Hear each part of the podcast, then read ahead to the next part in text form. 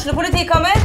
Ine Jansen er purk. Er du purk? The motherfucking bitch. Alt jeg vil, er å finne ut hva som skjedde med mannen min. Jon Carew. Er jeg sikta for noe? Iben Akeli. Det er du. Ole So, Lars Berrum og Big Daddy Karsten. Hvem sin side er du på, egentlig? Anette Hoff, Tone Danielsen, Kommer du fra Afrika? Jørnis Josef, Nesten. Kløfta. Trond Espen Seim, Det er synd å si det, men det var feil mann som døde. Purk. Premiere tirsdag på TV2 Play.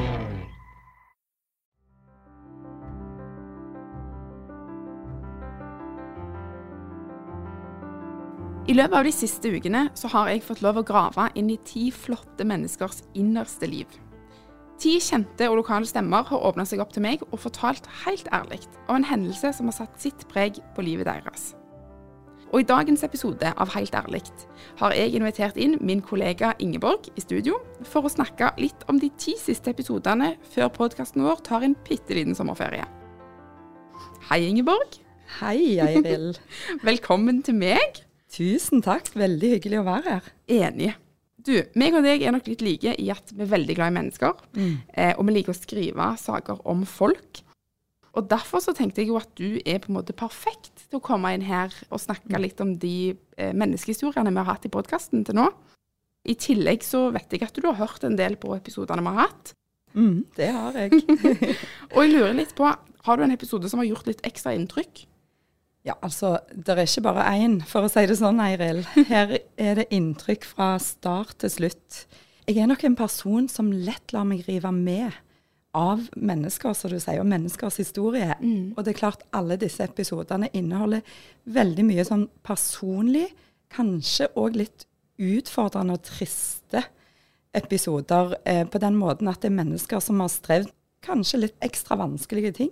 Eh, det er mye av det som jeg kan relatere til på en måte som gjør at jeg bare kjenner igjen det må være forferdelig vondt å ha det sånn, og jeg har gjerne kjent noen som har hatt litt av det, men absolutt ikke alt. Men det er klart at for meg så var det ekstra spesielt med Alexander, tror jeg.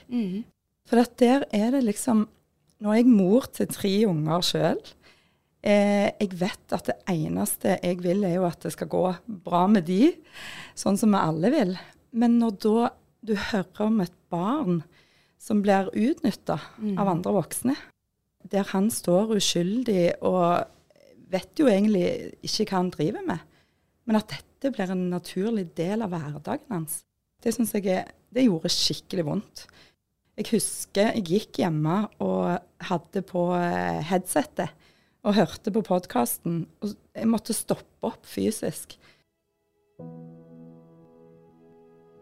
Det å være i dette miljøet her, og plutselig skjønne at du kanskje har, eller har blitt utsatt for overgrep, da, det er ikke noe du går og snakker om til mange.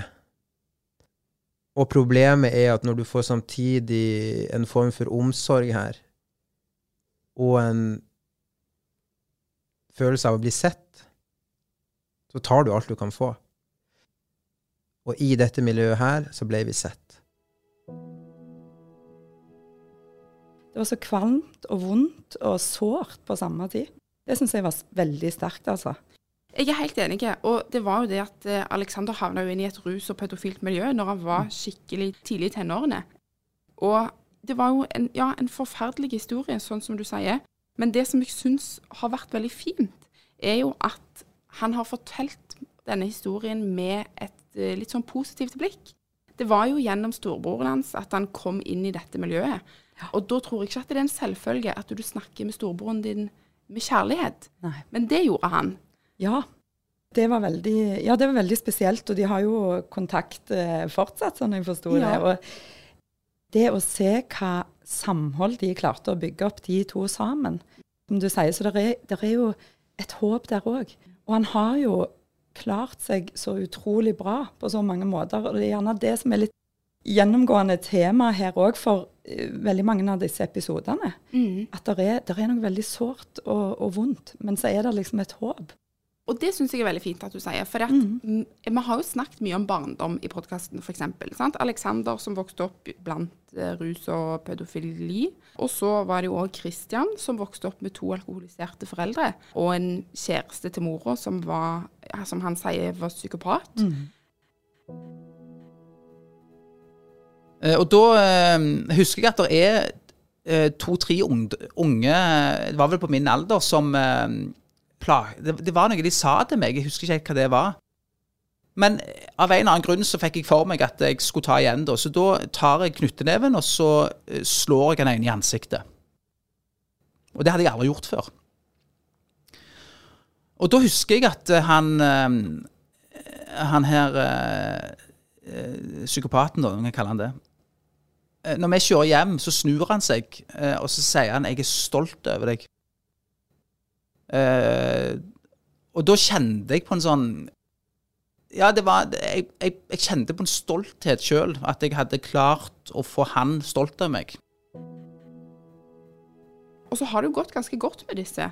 Ja. Både Alexander og Christian er jo kjempeflotte voksne mm. menn som, som, på en måte har fått det til. Ja. Og det er så godt å se at når vi snakker om en vond barndom, så kan det òg eh, gå godt, på en ja. måte.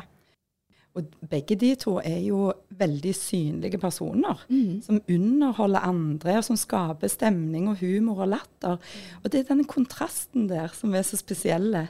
For at du egentlig så kunne en gjerne endt opp med å være bitter og, og sitte igjen og liksom bli muggen. Men her er det to som virkelig har snudd. Som har klart å liksom få vri et eller annet fantastisk fint ut av livet sitt allikevel. Det er veldig fascinerende når jeg ser på Christian f.eks., mm. som, som eh, lever av å på en måte være løyen og lage show, og han er, virker som en skikkelig sånn utadvendt og løyen type, mm. så hadde jeg aldri trodd at eh, han hadde hatt en så dramatisk og traumatisk, kanskje, mm. oppvekst. Ja. Eh, og det får meg jo til å tenke litt at eh, det er jo veldig mange man møter på jobb mm. eller på skolen eller på treningssenter som òg har vært gjennom disse vonde tingene. Mm. Ja, det er det at en, en, fasade, holdt jeg på å si, eller et bilde kan skjule veldig mye. Jeg var heller ikke klar over at det var så alvorlig i oppveksten hans. Og han forteller jo òg om vold, og der er blod i bildet, og der er mye han har sett sin egen mor blitt veldig, veldig stygt behandla. Bare det òg. Da banker hjertet litt ekstra fort når du eh, hører dette. Det er veldig sterke inntrykk. Og det at han allikevel, som du sier, har kommet så sterkt ut av det, er, ja, det er helt utrolig, faktisk. Jeg er helt enig. ja. Si. Disse vi har snakket om nå, de eh, forteller jo om noe som skjedde for lenge siden, i barndommen. Mm. sant? Veldig gjerne 30-40 år siden. Eh, men vi snakket jo òg i første episode med Dennis Poppe, som forteller om noe som han står midt oppi. Han sa, sto på en måte midt oppi ettervirkningene av et brudd, og det var savn etter sønnen, og han hadde det vondt, og skikkelig neffer, på en måte. Ja. Og nå sitter jeg her, sykemeldt i et halvt år. Kunne ikke gitt meg faen i baren. Og har på en måte Hva skal jeg si Jeg eh, Ja. Jeg ser sønnen min Jeg kan ikke huske sist jeg tror ham.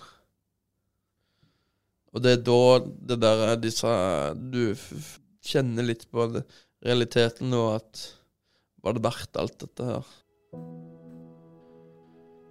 Det syns jeg òg det står veldig respekt av, å fortelle om noe som du står midt i.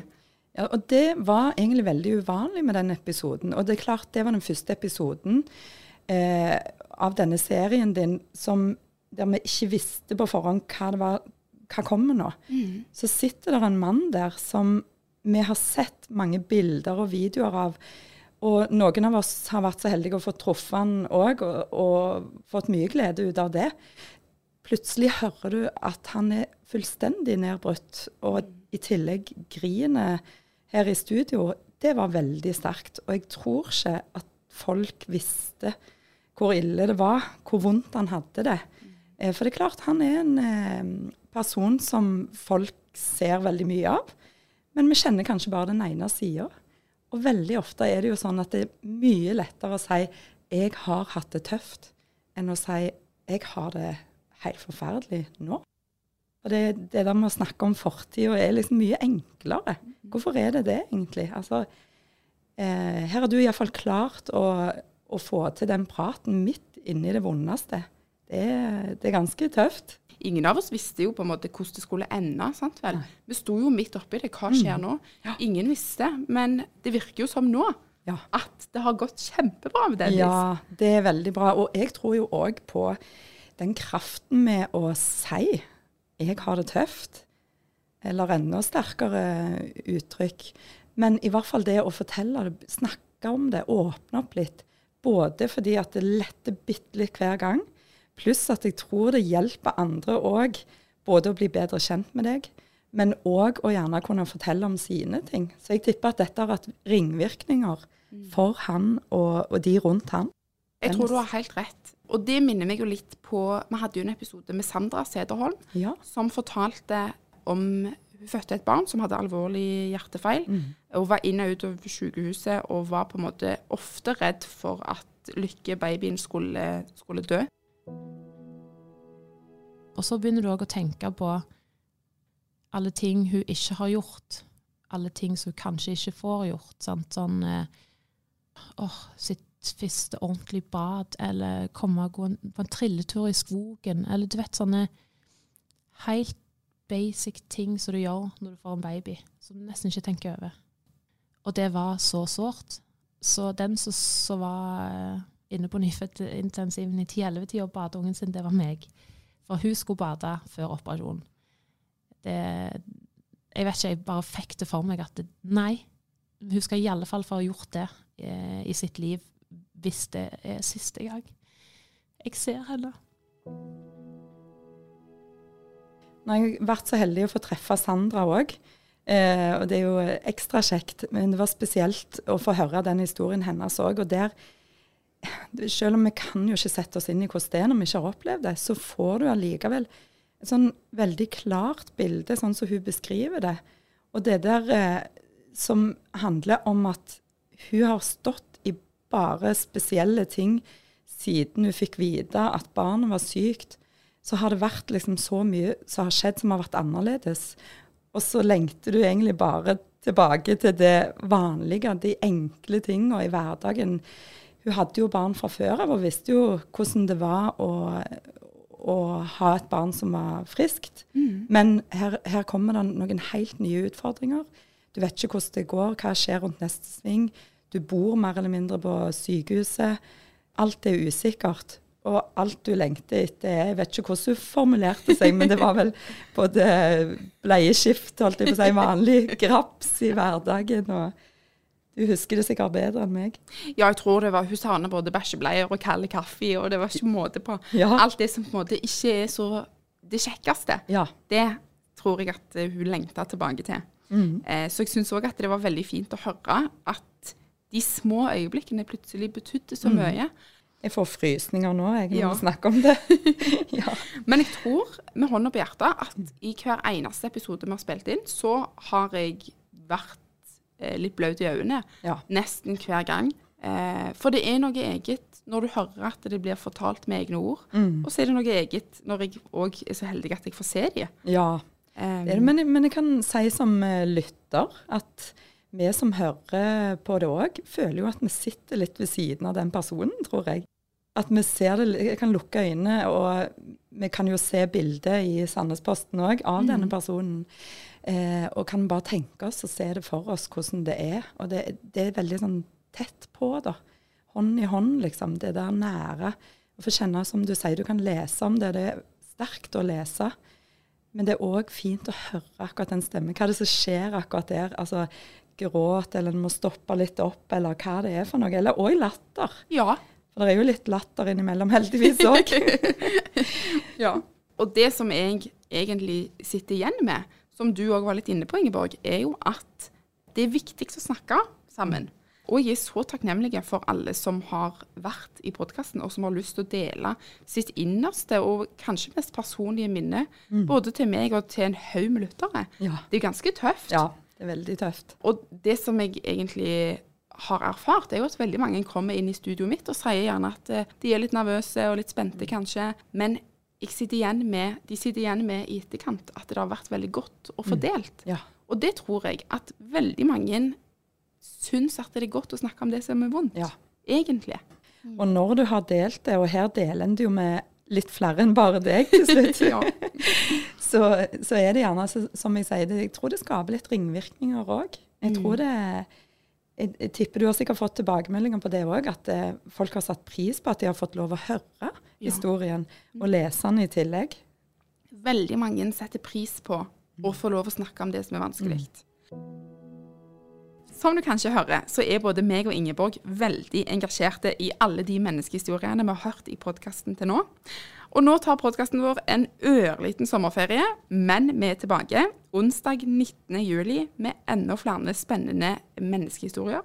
Da skal du bl.a. få høre helt ærlig om Marit som gikk med endometriose i 25 år før hun ble diagnostisert. Og hun måtte sette hele livet sitt på vent.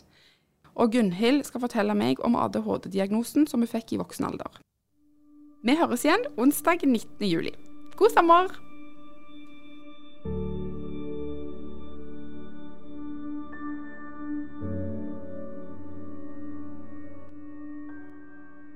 Har du et enkeltpersonforetak eller en liten bedrift? Da er du sikkert lei av å høre meg snakke om hvor enkelt det er med kvitteringer og bilag i fiken, så vi eh, gir oss her, vi. Fordi vi liker enkelt. Fiken superenkelt regnskap.